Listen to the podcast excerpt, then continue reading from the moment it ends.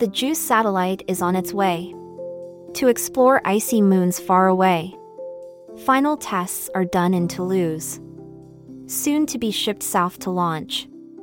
In April, it will depart with haste to Callisto, Ganymede, and Europa's space. With instruments advanced and new, to search for life, a grand endeavor to pursue. The Jovian system may seem cold, far from the sun, stories yet untold.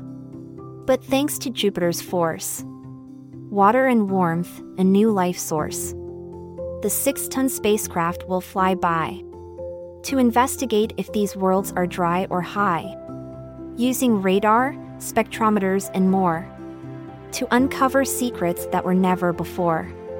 Europa's ocean beneath the ice could be teeming with life, what a nice surprise. Ganymede's magnetic field, a mystery. Callisto's history, yet to be seen. So let us embark on this grand quest to discover life, put to the test. Who knows what secrets these moons hold?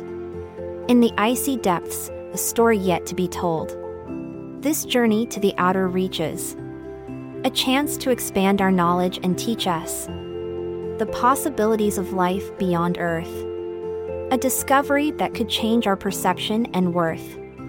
So let us watch as the JUICE takes flight on a mission to the stars, shining bright, bringing back knowledge and insight to unravel the mysteries of the icy moons of Jupiter tonight.